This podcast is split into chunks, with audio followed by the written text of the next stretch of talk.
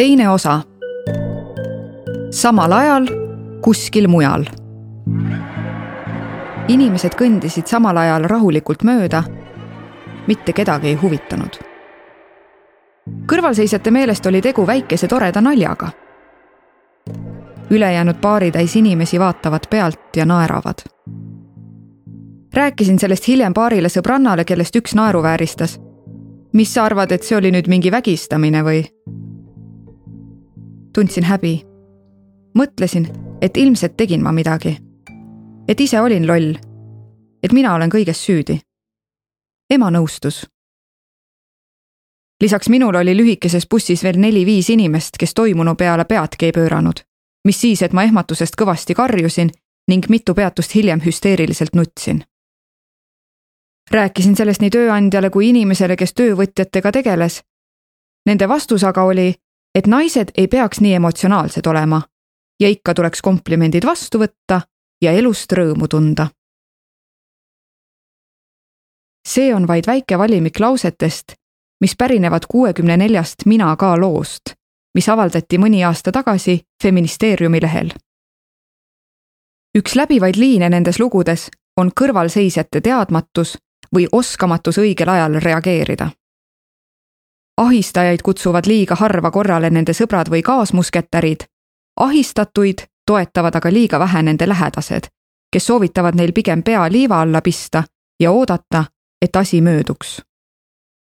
kui arutlesime artiklit ettevalmistavas töögrupis põhjuste üle, miks ligiajamised on teatriringides aastaid korduda saanud, ütles üks naisterahvas pärast pikka vaikimist tegelik põhjus on see, et naise elus ei ole harv, et viieaastaselt hüpitas mingi onu teda kahtlaselt kaua oma põlvedel, kaheksa-aastaselt hõõrus keegi ennast tema vastu ühistranspordis, kaheteistaastaselt katsus treener tema rindu, kuueteistaastaselt pani sõiduõpetaja käe reiele, kaheksateistaastaselt jälitas keegi tänaval ja nii edasi ja nii edasi ja nii edasi. Need on asjad, millega on oht ära harjuda sest ühel või teisel moel puututakse nendega igapäevaselt kokku. ja kuna sedasorti seksism ei ole ühiskonnas midagi nii ebatavalist, siis on väga raske muuta tõika, et naisterahvas kardab Eestis öösel üksi koju jalutada. ka näiteks loo kirjutamise perioodil tegi võõras mees tänaval ühega meist juttu ning teatas ühtäkki, et saadab ta koju. autor ei osanud kuidagi reageerida vaid kõndis sihitult mööda rahvarohkeid tänavaid, et mees maha raputada.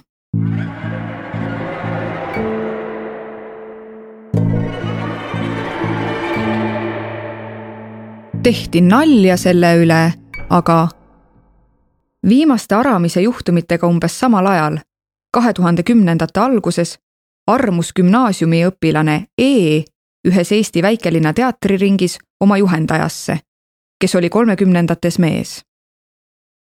mees sai sellest aru ja hakkas pidudel lähenemiskatseid tegema.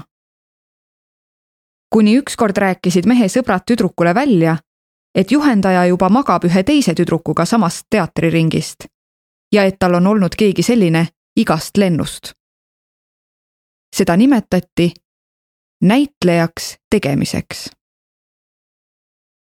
E käis teatriringi kuuendas lennus. E ütleb, et tema kiindumusest teatriringis ei teatud. aga selle teise tüdruku lugu tuli pärast pidu avalikuks ja kuna kõik teatriringi osalised suhtusid sellesse halvasti, hakati seda teist tüdrukut aktiivselt ringist välja trügima. poole aasta pärast oligi ta sealt läinud. E enda lugu aga jätkus. meil ei olnud suhet, ütleb ta aga korduv ligitikkumine. siis, kui tal oli vaja, ronis külje alla. ja ma lubasin kõike, sest ma olin nii armunud. E kirjeldab, kuidas õhkkond teatriringis muutus alati veidraks, kui mehel oli jälle periood, kus ta tema lähedust otsis. tüdruku jaoks keeruline on-off sõltuvussuhe kestis kokku kolm aastat ja jätkus ka veel pärast tema teise linna kolimist. mees, kes oli ise huviringi algataja ja juht, võttis e-teada vastu veel järgmise lennu. pärast seda tuli paus sisse, aga nüüd ta õpetab jälle. nüüd tal on naine. eeldan, et ta praeguste õpilastega enam nii ei tee. on sarved maha jooksnud, pakub E. E tunnistab, et see lugu kriibib teda siiamaani, ka kümme aastat hiljem. segab elamist. aga see olukord tollal, tema oli vallaline, tüdrukud olid ise nõus tulema. ma ei tundnud toona, et mind kasutatakse ära. mis see ilmselgelt oli Eele ei tulnud pähegi, et võiks sellest kellelegi rääkida või kuhugi pöörduda. ta oli õnnelik, et talle tähelepanu pöörati. see ei olnud ahistamine. ta sai aru, et ta meeldib mulle ja kasutas olukorda maksimaalselt ära. Raisk, kui ma järele mõtlen, kuradi siga. põhimõtteliselt kõik ta ümber teadsid seda, nemad oleksid võinud midagi ette võtta tehti nalja selle üle, aga. kuidas reguleerida õpetaja-õpilase suhet? mitmed välismaal õppinud inimesed on avaldanud imestust selle üle, kui normaalne on Eestis see, et ülikoolis õppejõud semmib oma üliõpilasega. näiteks on USA-s ja Inglismaal enamasti võetud samme selliste suhete ärahoidmiseks kas ei tohiks õppejõud tudengile eratunde anda, temaga loenguruumi kahekesi jääda või siis väljaspool ülikooli kohtuda. pea kõikjal on taunitud ühised peod. Eestis näib see mingile seltskonnale palgalisana, et õppejõud oma rebased selle pilguga üle vaatab. erakordsed ei ole ei püsi ega juhusuhted oma tudengitega. pärast mitmeid ärakasutamisjuhtumeid võttis Tartu Ülikool kahe tuhande kuueteistkümnendal aastal vastu juhendi, kus on kirjas, et ülikool ei soosi juhendaja ja juhendatava intiim- ja ärisuhteid. nagu toob välja kahe tuhande kahekümnenda aasta uuring Sooline ja seksuaalne ahistamine kõrghariduses, siis mitmes teises Eesti ülikoolis siiani selliseid juhendeid pole. keskkoolide või huvikoolide tasandil puudub aga taoline seisukohavõtt sootuks kui minna näiteks Eesti Huvikoolide Liidu kodulehele, ei ole seal ühtegi märget selle kohta, et säärane probleem võiks olemas olla. rääkimata sellest, et õpetaja-õpilase intiimsuhteid taunitaks. lastekaitseseaduski keelab lastega töötamise vaid neile, kes on eelnevalt karistatud. ja seda peaks kontrollima tööandja, kes huvikoolide puhul on tihti juhendaja ise kui üks meist juhuslikult tuttavaga sellest loost rääkis, märkis too, et ka tema nooruspõlve teatriringi juhendaja oli ühe oma õpilasega suhtes. teatriringi õpilased olid alaealised, kuigi õpetajaga suhtes olnud tüdruk oli juba üle neljateistkümne aasta vana. Arvas küll, et olukord on veider. aga kuna mõlemad suhte osapooled tundusid rahul olevat, ei mõelnud ta sellele pikemalt õpilasega intiimsuhte loomine on õpetajatöö seisukohast igal juhul ebaprofessionaalne. iseäranis kahtlane on see aga teatriõpetaja puhul, kelle eriala eeldab tööd kehaga, lähedasemat suhet ja suuremat usalduslikkust õpilasega. Veidi sarnases positsioonis on ka näiteks sportlane ja tema treener. näiteks Iisraeli Näitlejate Liit on kirja pannud manifesti, milles taunib õpetaja-õpilase suhteid teatrikoolis sest sellised suhted asetavad nõrgema osapoole haavatavasse olukorda ning teevad õppimise ka teiste jaoks ebamugavamaks. samuti võib intiimsuhete puhul tugevalt kahelda, kas suhte osapooled on võrdse sõnaõigusega. kindlasti väärib mainimist, et manifesti järgi lasub just õpetajal vastutus selliseid suhteid ennetada. Ent kui kõrgkoolides on võimalik selliste juhtumitega pöörduda kas õppekoordinaatori, osakonnajuhataja, rektoraadi või üliõpilasesinduse poole, siis huviringide ja huvikoolide puhul, eriti selliste, milles üks ja seesama inimene on nii asutaja, koolijuht, õpetaja kui ka võimupositsiooni kuritarvitaja, pole sisuliselt kuhugi pöörduda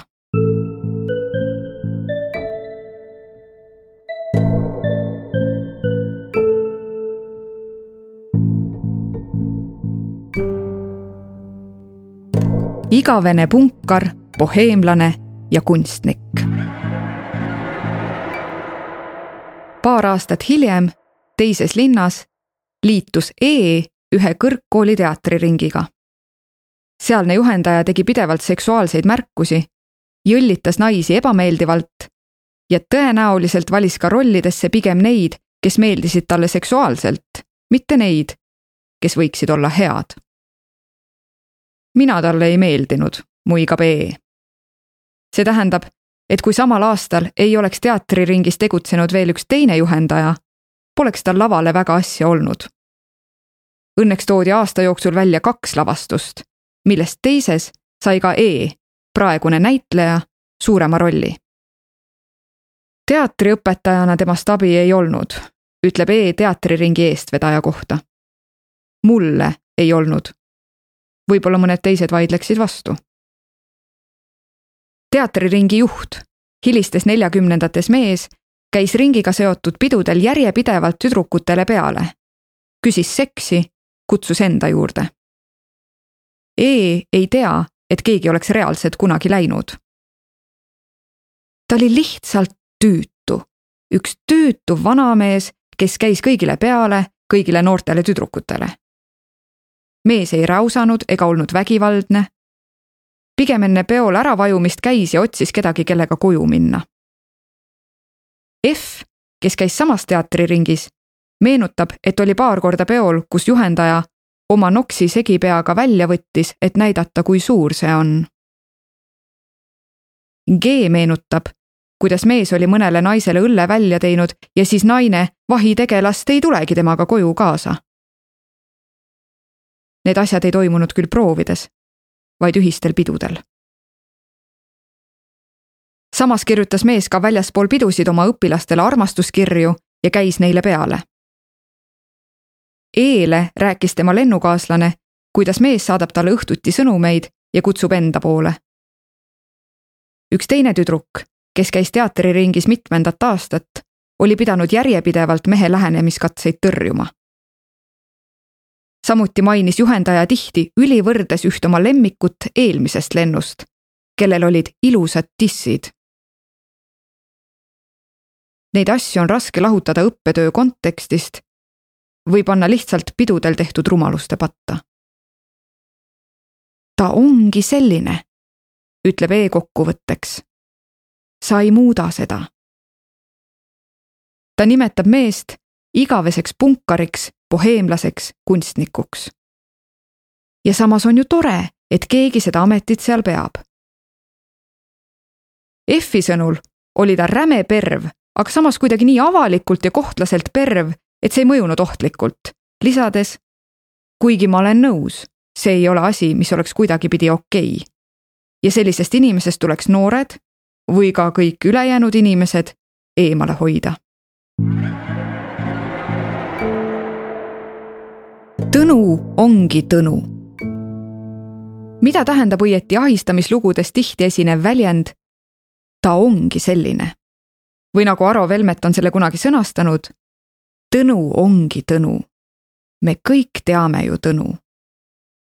või nagu Estonia teatrijuhi puhul tuli jutuks tema loomuomane joviaalsus, mida mees edaspidi piirata lubas ühest küljest käib sellega tihti kaasas mingi põlvkondlik maik rõhutakse justkui sellele, et kunagi nooruspõlves oli selle inimese käitumine normaalne, mis siis nüüd järsku valesti on. tuleb siiski tõdeda, et ongi palju asju, mis on ühiskonnas viimase paarikümne aastaga muutunud. laste füüsiline karistamine, homoseksuaalsete inimeste ravile saatmine, teise nahavärviga inimeste endast rumalamaks pidamine või depressiooni iseloomuveaks lugemine. Need on vaid mõned näited arusaamadest, mis on viimaste kümnendite jooksul muutunud ja mida ei peeta enam üldiselt vastuvõetavaks. ehkki seisukohad ise ei ole kuhugi kadunud. ka meie teatritraditsioonis on mitmeid arusaamu, mis on sama aja jooksul muutunud või muutumas. enam ei peeta normaalsuseks proovides või etenduse eel alkoholi pruukimist, samuti seda, et lavastaja proovisituatsioonis karjub või näitlejat isiklikult alandab, et temast tulemust kätte saada kas enese seksuaalne pealepressimine võis samuti kunagi olla ühiskondlik normaalsus, mis on nüüd muutunud vastuvõetamatuks? pigem on vist ikka nii, et kellegi korduvaid lähenemiskatseid tagasi lükates tunti ebamugavustunnet ka vanasti. aga nüüd on lihtsalt tekkinud arusaam, et sellega ei peaks leppima. nii nagu enamasti ei lepita enam arusaamaga, et naine on mehe omand, kellel ei ole hääleõigust, või arusaamaga, et maffiameestele tuleks maksta katuseraha, et saaks äri teha. teisest küljest, kui keegi ongi selline, viidatakse vahel sellega ka ekstsentrilisele iseloomule, mis, kuigi mõne kandi pealt ebamugav, on justkui aidanud inimesel läbi lüüa. ehk siis, kas Estonia teatri suurele juhile või teatriringi juhendajale kui pungile, boheemlasele ja kunstnikule on äkki rohkem lubatud kui tavainimesele, kuna nende amet või positsioon justkui eeldab seda. Marius von Maienburgi näidendis Monument ütleb kunstnik pereisale, kelle naine tema alluvuses töötab. ma kepin kõiki naisi, kellega ma koos töötan, kas sa ei teadnud seda? täpsustades veidi hiljem. kunst, see ongi erootika. Võib-olla käibki ülevoolav seksuaalsus, inimestevaheline tõmme lihtsalt teatrikunsti juurde. ja samas pole ju töökohta, kus ei tekiks inimestevahelist tõmmet miks peaksime lubama ühes valdkonnas rohkem kui teises? aga võib-olla ongi ühe ekstsentriilise kunstiinimese roll seada kahtluse alla tavamoraal, oma julge ja piirideta eluviisiga näidata teistsuguseid olemise vorme ja murda ühiskondlikku apaatiat. hästi.